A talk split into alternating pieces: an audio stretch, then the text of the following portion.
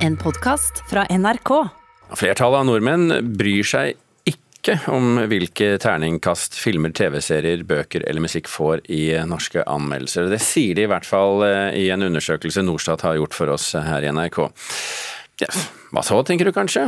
Terningkast eh, har aldri vært viktigere i møte med strømmetjenestenes algoritmer, mener enkelte vi har snakket med.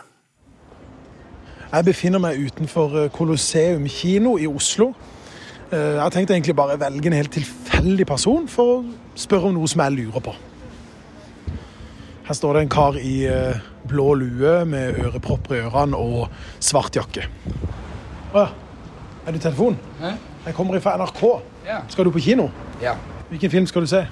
Aksel. Bryr du deg mye om terningkast på filmer? Nei. Hvorfor ikke? Fordi jeg vil ha min egen mening om det. Det er ikke nødvendig å høre på alle andres mening hele tiden. Orker ikke at andre skal drive og prøve å påvirke min mening om noe. Hvis jeg liker det selv, så får jeg like det. Hvis andre ikke liker det, så trenger ikke de å like det. Som mennesker så har vi en sånn iboende eh, trang til å oppleve at eh, vi bestemmer selv. Altså vi, vi, vi trenger å føle autonomi, autonomitet. At vi har en sånn selvbestemmelse over de valgene vi tar. Forteller medieprofessor ved Universitetet i Oslo, Marika Lyders. At folk ikke ønsker å la seg styre av f.eks. terningkast, stemmer overens med undersøkelsen NRK har gjort i samarbeid med Norstat. Over halvparten, 53% mener at terningkastet i en anmeldelse har ingen eller liten betydning når de skal velge å se en spesifikk film, TV-serie, bok eller type musikk.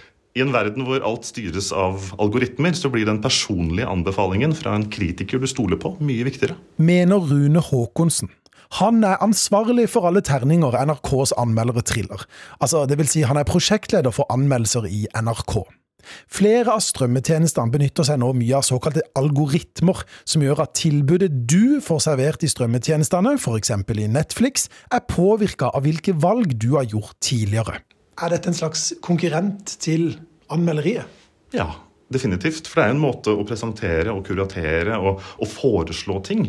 Og der mener jo selvfølgelig jeg at det å ha en fagkompetanse, et menneske du kan stole på bak det som blir anbefalt, det er vår store styrke i møte med de store teknologigigantene som satser på maskiner. Jeg tror nok det kan være sånn at anmeldelse betyr mer enn det man eh, gir uttrykk for i en spørreskjemaundersøkelse. Sier Lyders, nettopp pga. dette behovet for å føle at vi ikke lar oss påvirke av andre.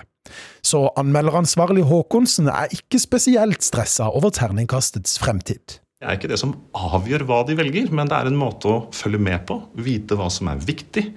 Og det ser vi jo er et behov som bare vokser. Og Visste du at eh, terningkastet i anmeldelser er faktisk noe av det norskeste som fins?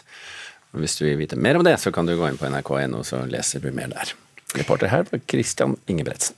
Skal vi si god morgen til deg, Gjermund Stenberg Eriksen. God morgen. Velkommen til Nyhetsmorgen. Du har som TV-serieskaper ulike erfaringer med nettopp terningkast. Det var ulike meninger om Mammon, og den nye serien eh, Furia, som går på Viaplay, har fått terningkast tre av flere meldere. Hvordan kjennes det ut å få terningkast tre på noe som du har jobba så masse med? Ja, Det er jo ikke spesielt moro. Det er vel ikke noen nyhet det, at serieskapere foretrekker andre terninger. Så vil jeg vel uh, utfylle bildet rundt at Mammon fikk én dårlig anmeldelse i løpet av to sesonger. Uh, og så fikk den firere og femmere og en sekser. Og en Emmy, og fikk to remakes av HBO i Europa. Så vi blir litt på defensiven, vi som uh, får det, høre den type ting. Og så nevner vi de tinga jeg nevnte nå. Mm. Men hvor viktig er terningkastet i seg sjøl i 2021?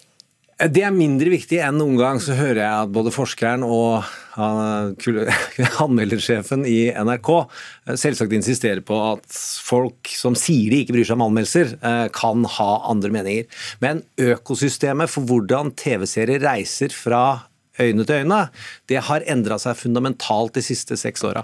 Eh, og det er jo på anmelderes bekostning, og det er på bekostning av lineære TV-kanaler som NRK. Hvordan har det endra seg?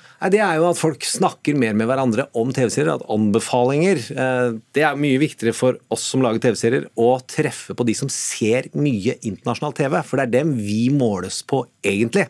Altså at de som i små sosiale grupper, venner, familier, den som skjønner og behersker TV mest, hvis de sier at det er dårlig, da har sånne som meg det store problemer. Eh, og det er det noen tall som tyder på at vi ikke har. Men Betyr det at sånn som sosiale medier kanskje er viktigere enn terningkast i avisene? Nei, det er jo menneskene som er viktig. Altså, mm. At den gjør et inntrykk, eh, og at den reiser snakker sammen. At den snakker sammen, og at folk sier 'hvilken serie har du sett i det siste'? Og det siste året så har det jo folk vært låst inne med TV-apparatene og de småskjermene sine, og det tror jeg har forsterka en utviklingstendens som har skjedd de siste ti åra. Under pandemien så var jo binging plutselig en nyhetssak igjen. Noe som jeg alle har drevet med i ti år, men da var det virkelig kollektiv binsjing om hva har du sett, og hvordan har du sett og hvordan opplevde du det. Og det å lage noe som blir snakka om, og det som reiser i andre land, det er det vi som lager TV-serier som prøver å få jobb om igjen og om igjen, eh, lever av. Hva tror du om terningkasta sin framtid, for å si det slik?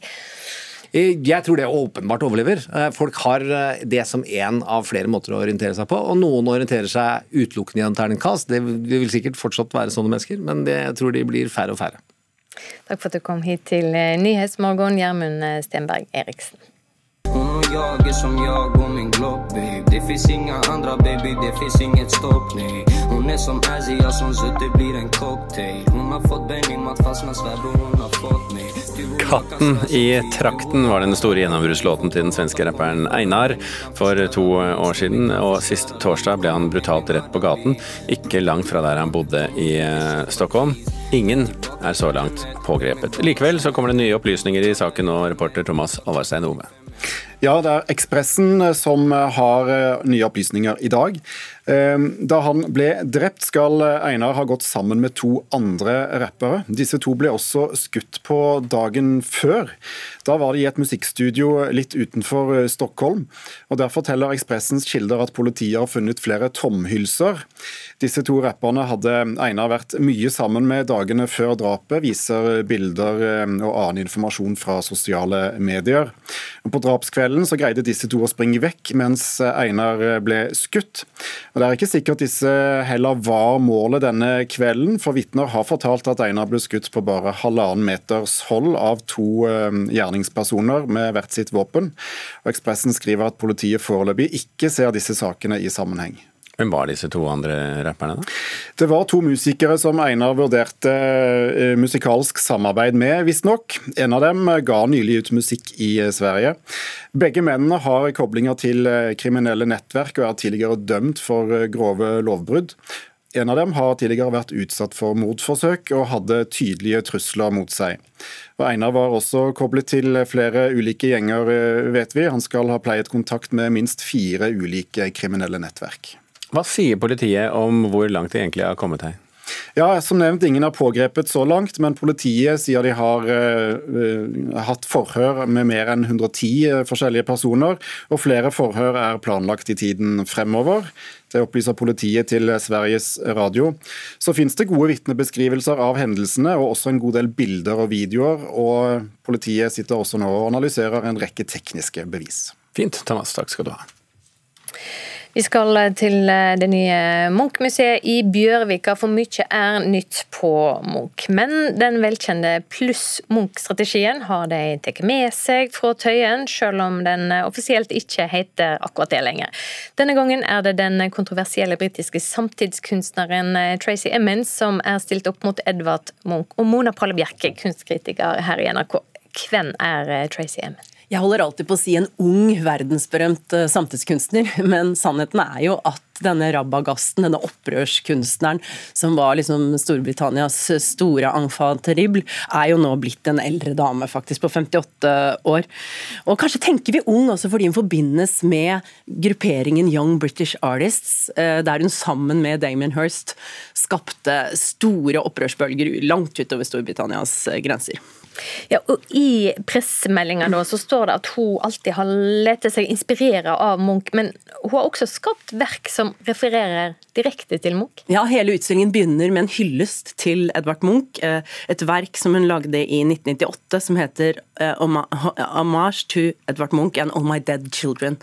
Og dette er altså en vakker og uhyggesvanger film, der hun selv ligger naken i fosterstilling på en brygge i Åsgårdstrand ut mot fjorden og skriker de mest uhyggelige og fortvilede hyl. Eh, og dette er jo da en replikk til Munchs skrik, men det er også et privat sorgarbeid knyttet til egen eh, aborterfaring. Og dette er jo en lyd, veldig mektig lydkulisse i utstillingen. Ja, og Det vi også kan se i utstillinga, er hennes egen uoppredde seng eh, med både søppel og rot rundt omkring. Og det eh, blir jo da kalla kunst. Hvorfor skal vi akseptere at det er kunst? Ja, dette er jo et verk som tok den selvutleverende kunsten til en helt ny, eh, nytt nivå. Altså, det er jo etter en depressiv fase over mange uker hvor hun bare holdt sengen. Hun sørget over et eh, kjærlighetsforhold som har gått i stykker, og hun var veldig seksuelt aktiv. Og denne sengen forteller jo en veldig privat historie. Og når vi reagerer på at eh, det kalles kunst, så er jo det fordi vi forventer at en kunstner har lagd noen ting, foredlet noen materialer. Men det Emin her gjør, er jo å stille frem det som i kunstens verden kalles en ready-made. Det er et lite stykke hverdag, og i dette tilfellet et lite stykke levd liv, kan man godt si. Og slik sett er det jo også et refleksjonsstykke. Og dette er stilt sammen med Maras død, som er Munchs fortelling om en veldig vond og dramatisk kjærlighetshistorie med bohemen Tulla Larsen. Så her er det en sammenheng mellom disse to verkene som er fin. Ja, hvordan er samspillet da mellom eh, Munch og Emin? Det fungerer definitivt best når Emin uttrykker seg gjennom film, fotografi, installasjon, neonarbeider. Når hun forsøker å male seg opp mot Edvard Munch, så går det, som vi kanskje kan skjønne, ikke fullt så bra. Altså Hun hennes eksplosive, følelsesladde malestil er rett og slett ikke god nok. Verken som umiddelbart kalligrafisk uttrykk eller rent malerisk eh, koloristisk. Men det at hun ikke rekker, rekker liksom Munch til anklene, det er ikke så rart. Det er jo ikke så mange som gjør det. Og jeg syns likevel denne sammenstillingen har masse for seg. Særlig er det morsomt da å se hvordan Emin i eh, installasjon f.eks. tematiserer de samme problemstillingene som Munch gjør i maleri. Og dette er liksom en både mørk og livsbejaende utstilling. Eh, og jeg synes dette er et veldig kraftfullt møte som jeg anbefaler alle å få med seg. På det nye Munch-museet, altså. Takk for at du kom i studio, kunstkritiker her i NRK, Mona Pale Bjerke. Og hele denne anmeldelsen kan du som vanlig lese på nrk.no anmeldelser. Hetolytternes romanpris trenger jurymedlemmer. Jeg lo mange ganger da jeg leste den boka. Det er et herlig nynorsk. Og han sier noe i boka som jeg på en måte er litt enig i, da. Hvis du liker å lese, liker å diskutere det du leser, og vil bli med på å kåre årets beste norske roman, send noen ord om deg og det du leser, til romanprisen krøllalfa nrk.no innen 1. november. Du har hørt en podkast fra NRK. Hør flere podkaster og din NRK-kanal i appen NRK Radio.